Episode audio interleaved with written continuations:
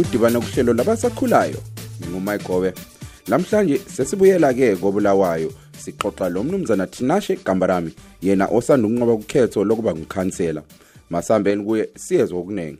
Gambarami ngiyakwamukela kuhlelo. Unjani mnumzana? Ngiyaphila unjani msakazi? Hayi mina ngiphilile. Right Tinashe kulento eyinenge engifisa ukuthinta kuhlelo namhlanje saqala sithinta indaba lena eyokuthi abontanga abaselizweni lethu abasekela amabandla achiyeneyo ikakhulukazi abasekela ibandla elezanu PF njalo abasekela umanyano wenu owe MDC Alliance. Abalawo umbono ofanayo nxa sesixoxisana lo daba lokuthi kuyini okumele kwenzeke ukuze sibambane njengabontanga ukuze sithuthukise ilizwe lethu. Sengizwe abontanga abanengi besithi uchamisa nguye kumele abe ngumongameli umnankagwa abamvuni nxa kungumnankagwa ozaba ngumongameli abasoze bamnanzelele. Awungitshele ke khambarami ukuthi ngombono wakho kuyini okumele kwenzeke ukuze sibambane sisebenze ndawonye njengabontanga ukuze sithuthukise ilizwe lethu. Sishiyane lalokho ukuthi wena usekela ibandla liphi mina ngisekela ibandla liphi. Ngiyeke sisebenze ndawonye. Yebo eh ngiyabonga kakhulu ngethuba onikezele lona msakazi. Um ngithanda ukubingelela abalaleli. Okokuqala into engayitsho ngiyukuthi eh kumele siqalise ngokuthi mina njengomuntu okhethiweyo kuwa 3 eh nginguntanga njengomuntu osakhulayo.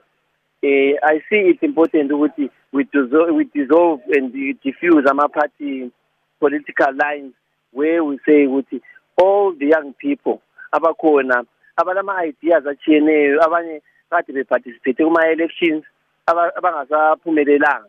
Ngabantu ade belama ideas abade belembono akade belayo. That way ideas angasincedisa kobulawayo lasezimbabwe ukuthuthukisa ilizwe lethu lesigaba sethu sakobulawayo. Mm hayi siyakuzwa kambarami. Njalo amhlophe phela bhuti ngokunqoba ukhetho hayi ngiyabonga kakhulu. It was out of hard work as well. Abontanga they, they are disadvantaged. We don't have resources. Nxa singena ku-ground we try by all means ukuthi singene nje uh, but it was not easy. But at the end of the day we achieved we had a lot of young people young women uh, and young boys. Ababe lesifiso sokuthi bethole umuntu ongabakhokhela eh o-understanda ama-levels lento ama-challenges esasiwafesayo njengabontanga.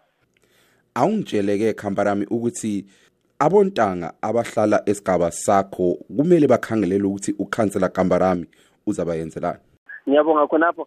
Into yokuqala we need to have ama-social groups social activities. I think uh, if you remember we had ama-social centers emalokishini.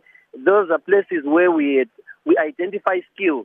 Ukuthi abantu if they have different skills they come and um, showcase and have an opportunity ukuthi babuya bezenza abakukwanisayo ngezandla imisebenzi yezandla and different skills that they have.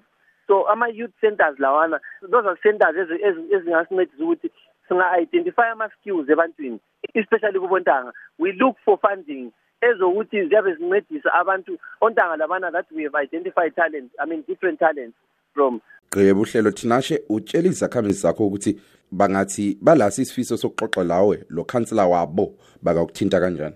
Okay first um eh thina njengamakhansela zisanda kungena asikagcotshwa besisamelele kade kusathupha kwe-presidential election nama-results. But um, as soon as i-cabinet isikhona uminister uzafaka ilanga lokuthi sigcotshwe but for now i can actually ngalinikeza ngabanikeza abalaleli inumber zami ukuthi they can actually bengandithinta kuma-phone call and also whatsapp.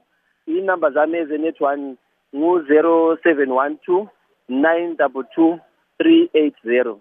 Ngizaphinda njalo zero seven one two nine two two three eight zero. Hayi sikuzile thinashe siyabonga kakhulu. Bekuhle ukuba la kuhlelo. Ngiyaphinda njalo amhlophe bhuti ngiyabonga kakhulu.